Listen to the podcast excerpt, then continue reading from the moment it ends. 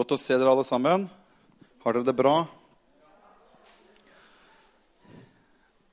Vi har, eh, som, eh, som Martha sa her, så har vi hatt et fantastisk møte før, før eh, dere kom.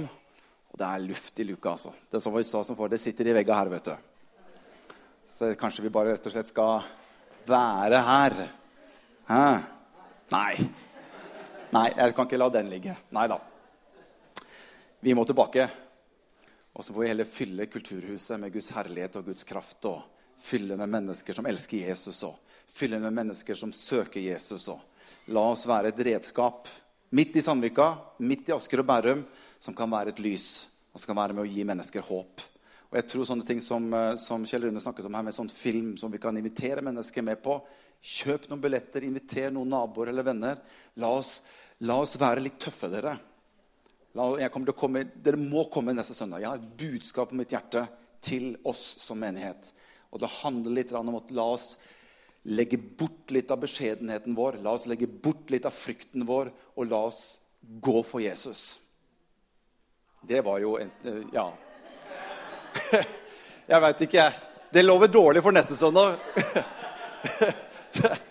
Så jeg må trene litt mer på den. til eh, liksom å få litt den der, Det var en sånn pitch som jeg liksom har lært skikkelig sånn, og da skal det liksom, å, den skal sitte som skikkelig, men ja.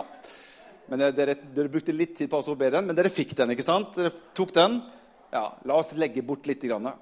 La oss være en menighet som fører mennesker til Jesus. Jeg kommer til å snakke litt om de fire mennene som tok denne lamme mannen til Jesus. Det var noe hos dem som gjorde at faktisk den lamme mannen hadde assosiert seg med mennesker som ikke bare var der og trøstet ham. For Hvis vi bare blir mennesker som trøster medmennesker og ikke kan føre dem til Jesus, så blir det ikke noe resultat. Det blir ikke noen forandring. Men vi skal være og nå er jeg inne i neste søndag allerede, kjære, vi skal være en menighet som fører mennesker til Jesus. Bra. Fortsettelsen på det kommer neste søndag. Og jeg gleder meg. Men jeg må gjennom dette her først. Ok, vi, har, vi, vi skal snakke litt om dette med er det noen fordel å være en kristen. Eh, som vi begynte på for, eh, for, noen uker siden. Og eh, jeg skjønte fort at det gikk ikke an å, å ta det på én søndag. Og jeg håper jeg rekker de siste punktene nå denne søndagen eh, i dag. Det tror jeg jeg skal greie. Vi har jo god tid. Det skjer ikke noe nå før eh, langt utpå ettermiddagen. Så så en par timer nå skal jeg være ganske greit i, i, i, mål på dette her. Vi tok utgangspunkt i Salme 103. og jeg vil at vi skal få opp den, så skal vi lese den en gang til før vi går inn i, i de neste punktene. Dette er David som sier til seg selv.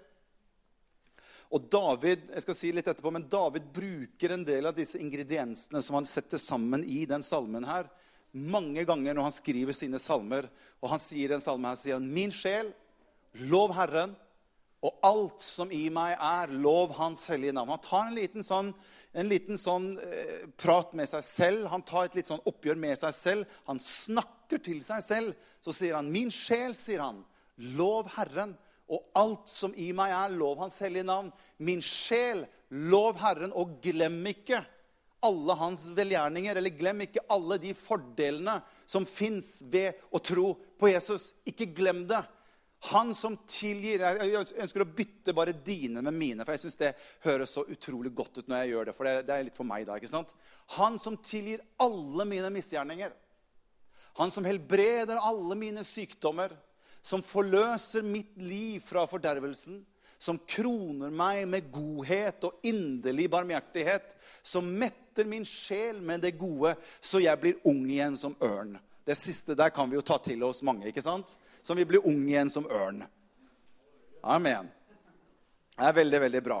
Så dette er David som, som, som på en måte tar et lite sånn hva skal vi si, e, e, e, en analyse på seg selv, tar tak i seg selv, og så begynner han også å snakke til seg selv for at han ikke skal glemme. Og jeg tror vi kristne noen ganger har lett for å glemme hva egentlig Jesus har gjort for oss.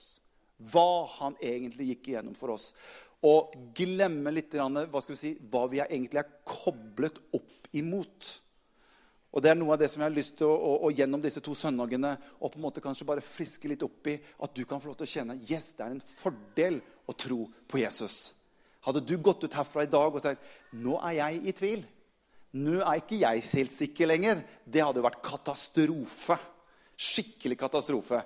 Men vi tror, og vi opplever at det er en fordel å tro på Jesus. Så den neste der hvor det står bare oppsummert disse forskjellige tingene som David ramser opp. Han ramser opp fem ting.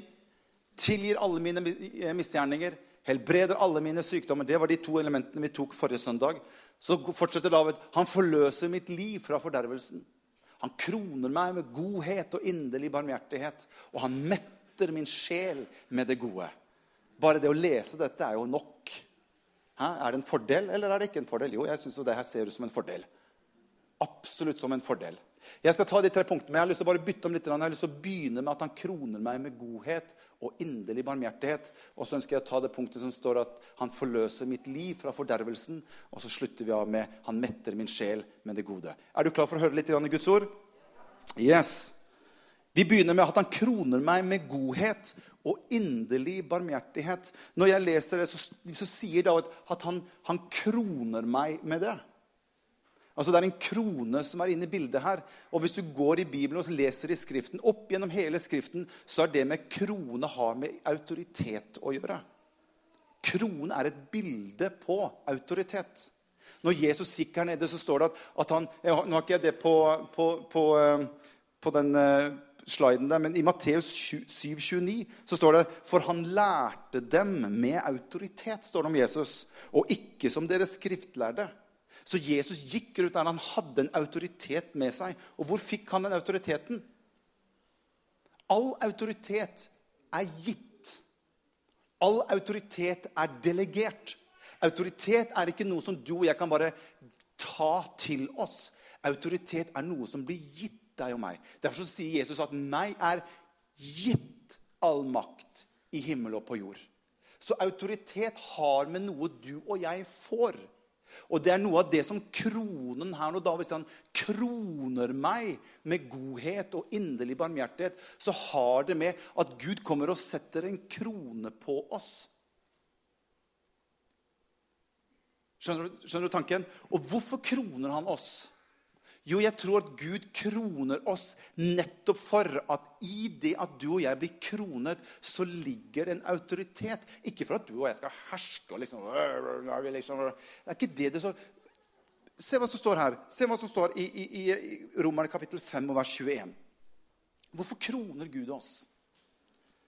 Romerne 5, 21 står det for at slik som synden hersket ved døden, slik skal også nå nåden herske ved rettferdighet til evig liv ved Jesus Kristus, vår Herre. Så ser synden hersket.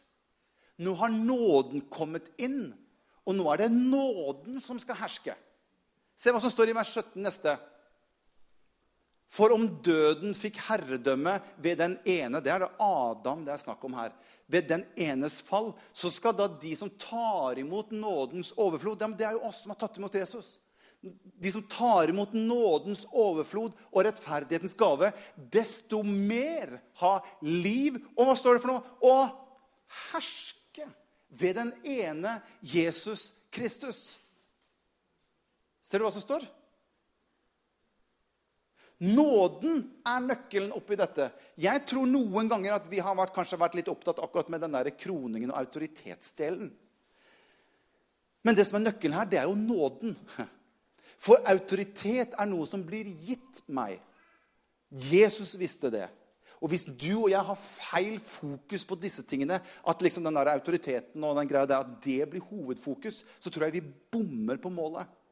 Og Det er det jeg tror noe, noe David ønsker å definere når han sier han kroner meg. Ja, og kronen er noe som gjør at du og jeg kan fungere som hans representanter her på jorden. Vi er kronet med noe fra hans rike.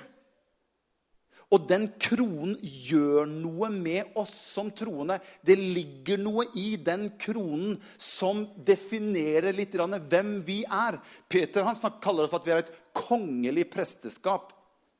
At vi er konger og prester for Gud. Hva er det konge har på hodet sitt? Han har en krone. Så David sier, 'Han kroner meg med godhet og inderlig barmhjertighet'. David ønsket først og fremst at vi skulle se på hva er vi kronet med. Og David sier, 'Jeg er kronet med godhet'. og inderlig barmhjertighet. Og det er det som er hele tanken her, at hvis ikke det får slått ut på andre siden av deg og meg At det er godhet og inderlig barmhjertighet som er det som smitter ut ifra oss, ja, så stiller jeg spørsmålet hva er vi kronet med? For det var jo det som var hele nøkkelen. Se hva David bruker. Han bruker dette med godhet. Noen oversettelser oversetter det med miskunn eller miskunnhet. Men jeg bruker ordet godhet. Men se hva som står i Salme 25 og vers 6. For dette bruker David mange ganger. Salme 25 og vers 6. Husk på din barmhjertighet, Herre, og din miskunn. For de er fra evighet av. Her bruker David det samme eksempelet. Salme 40 og vers 12.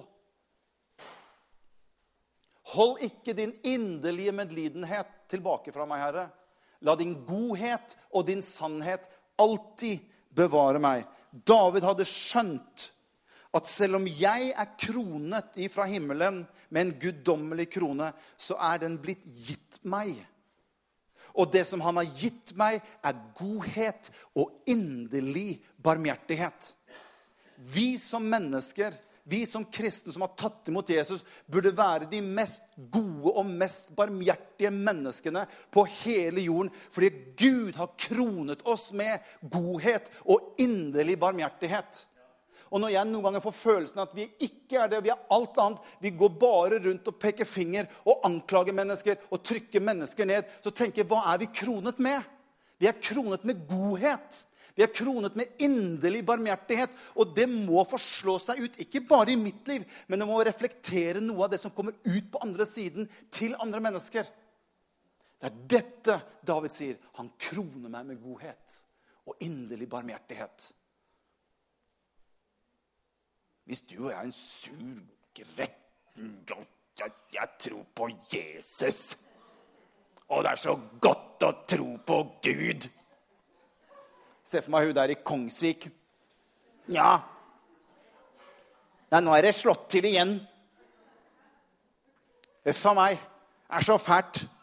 Hvis, hvis, hvis, vi er sånne representanter for godhet og inderlig barmhjertighet det, det, det, det, matcher liksom ikke helt.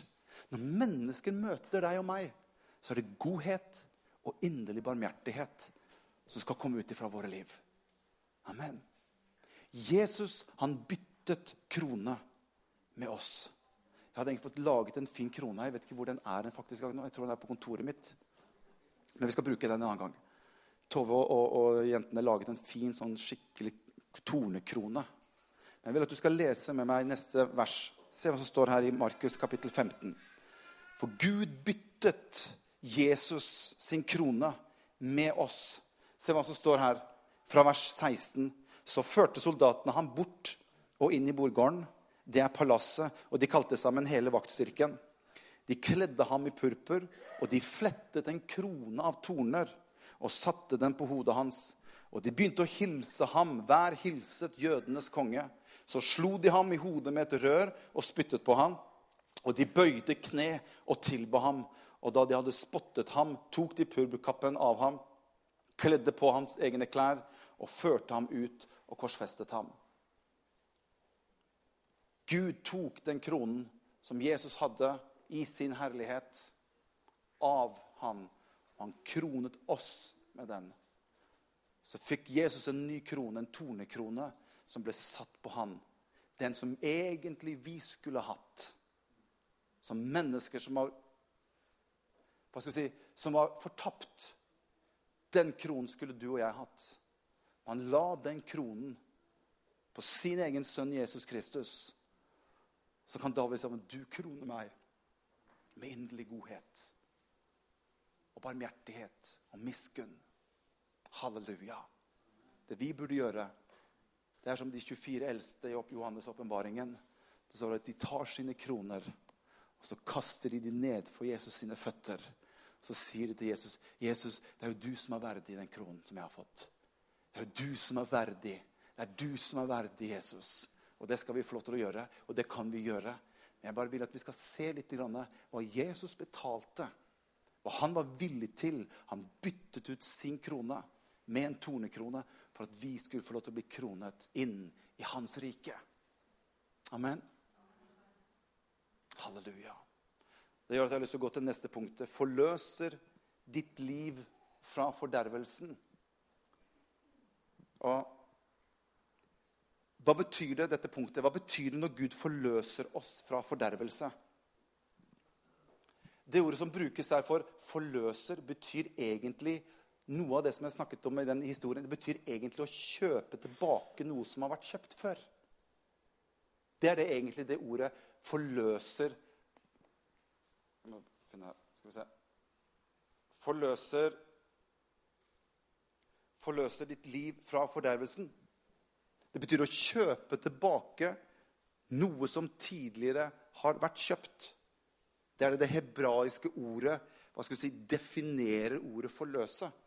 Mange av dere som er litt eldre, dere har sett et vers som står i Jobb, kapittel 19 og 25. Har dere sett det noen gang? For jeg vet at min gjenløser lever. Så det står 'gjenløser lever'. Og som den siste skal han stå fram på støvet. Det har dere hørt pappa be om mange ganger. Og som den siste skal han stå fram på støvet. Jeg har prøvd å se det for meg noen ganger, jeg greier ikke helt. Er det masse støv som, man skal stå fram på? Men jeg vet ikke hvordan det er. Det vet bare Jesus. Ja.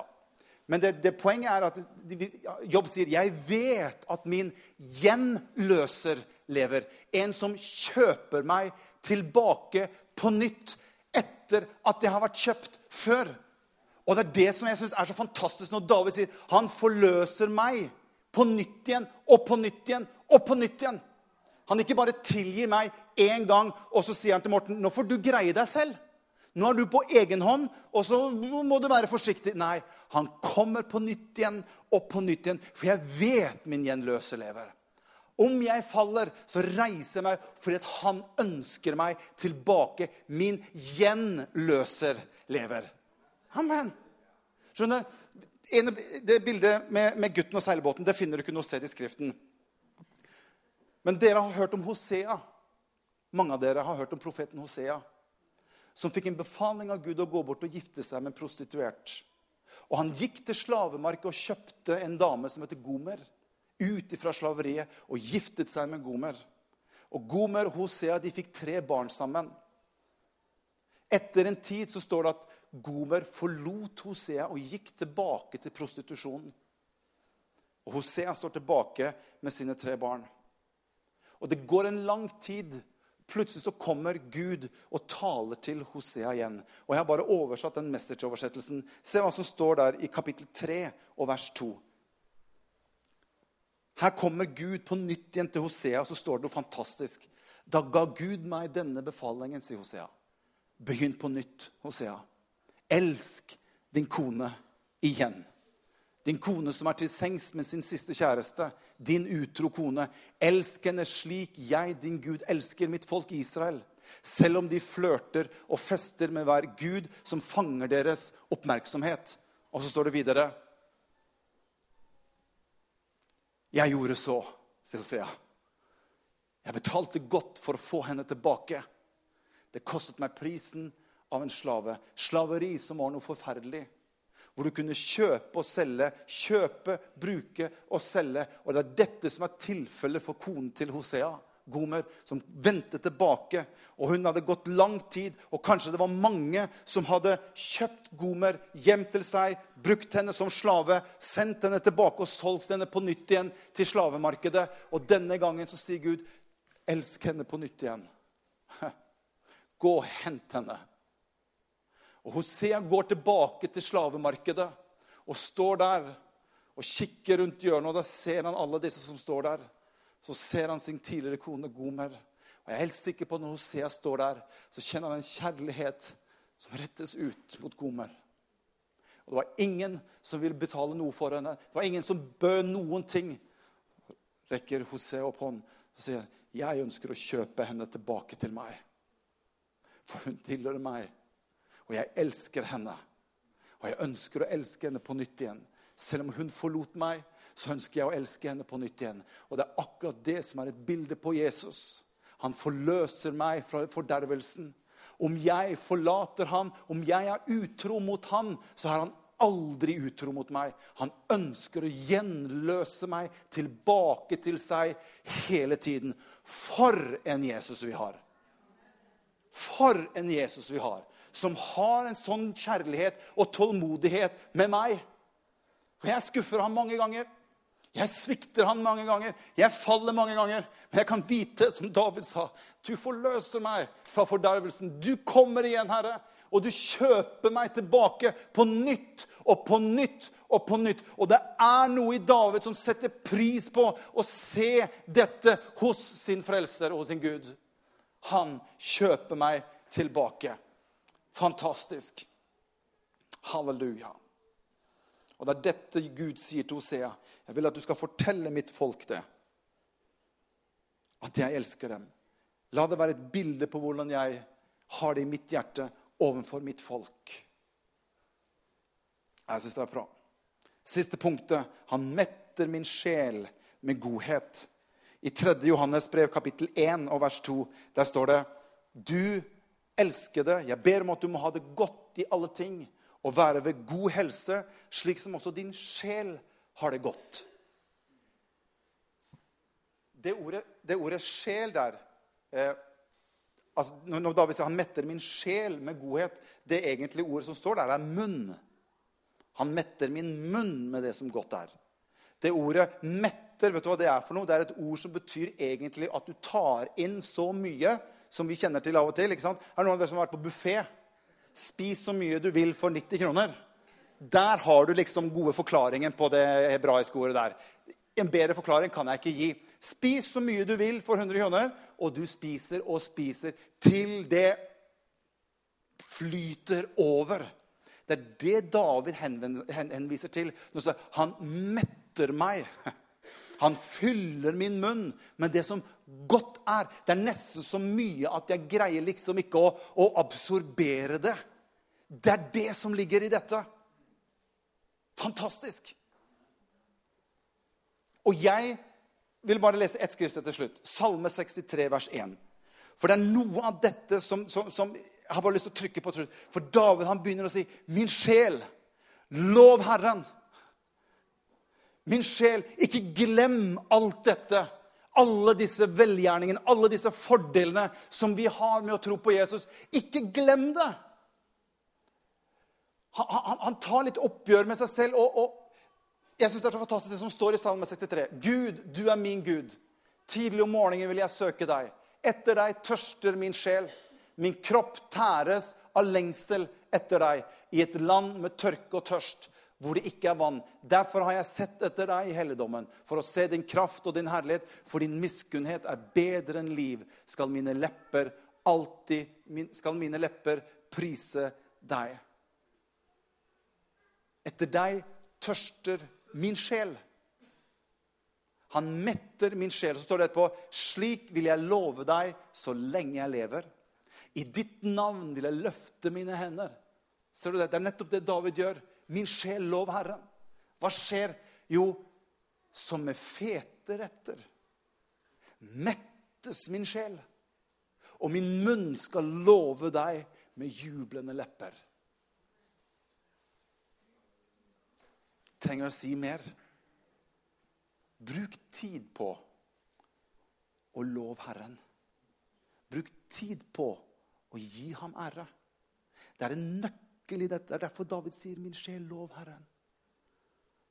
For ut ifra det forholdet at jeg kan være med å love og tilbe Han, ut ifra det så strømmer det noe.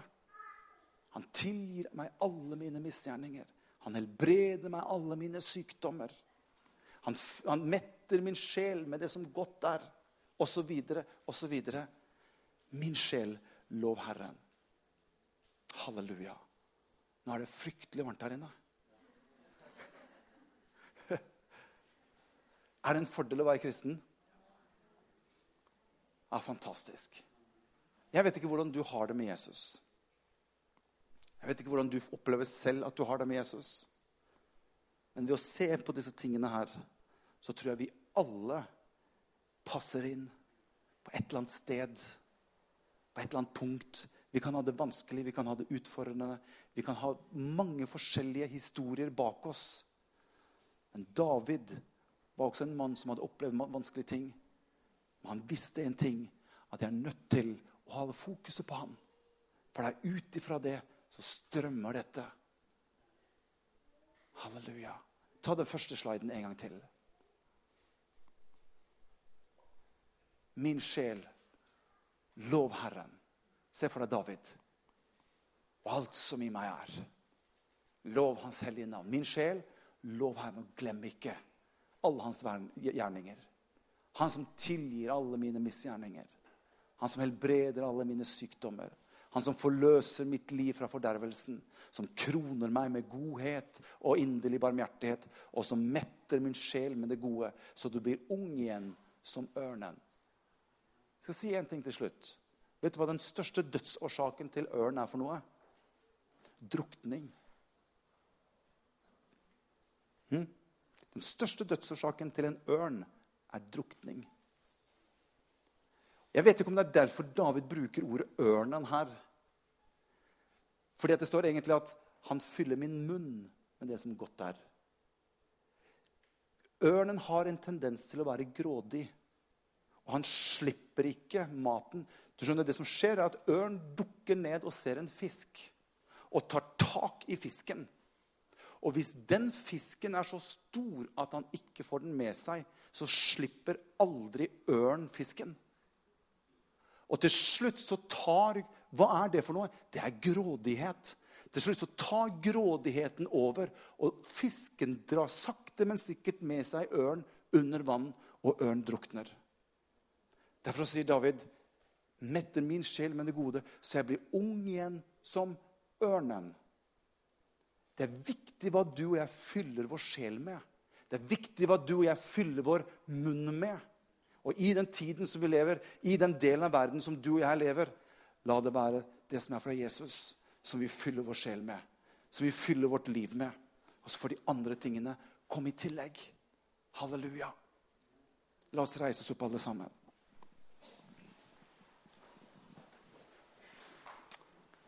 Jesus. Har dere fått noe ut av det? Priser deg, Jesus. Halleluja. Jesus. Jesus. Jeg vil at vi skal, vi skal lukke øynene alle sammen. Rakel, kan ikke du bare spille litt? Jeg vil at vi skal lukke øynene alle sammen. Vi skal snart gå mot avslutning. Men Jeg vet ikke hvordan du har det med Jesus. Men i min bibel så står det at i dag er nådens dag. I min bibel så står det at i dag er det frelse å finne. Du trenger ikke gå og vente med noe til noe skal forandre seg eller noe skal skje for å få ditt liv i orden med Jesus. Jeg har lyst til, Du trenger ikke å få komme fram her heller, men jeg har lyst til at vi skal lukke våre øyne alle sammen.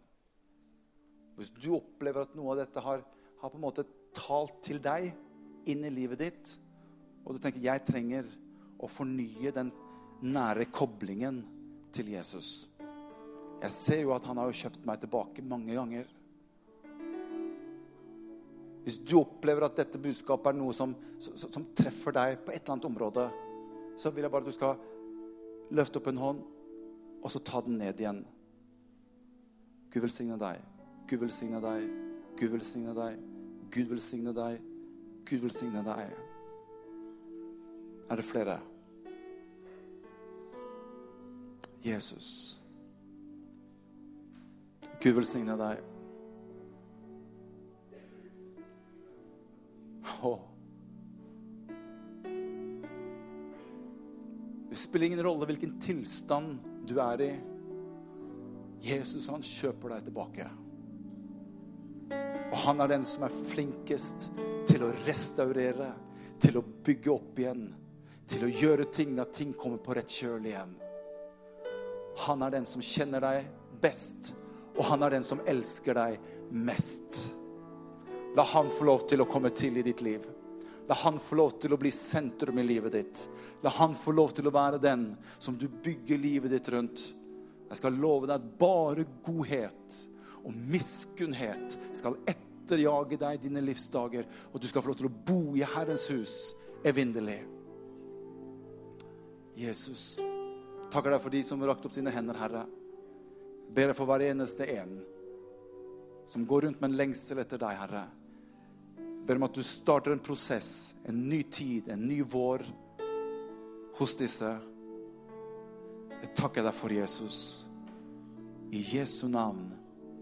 I Jesu navn. Halleluja. Å, Jesus. Halleluja. Jesus, Jesus.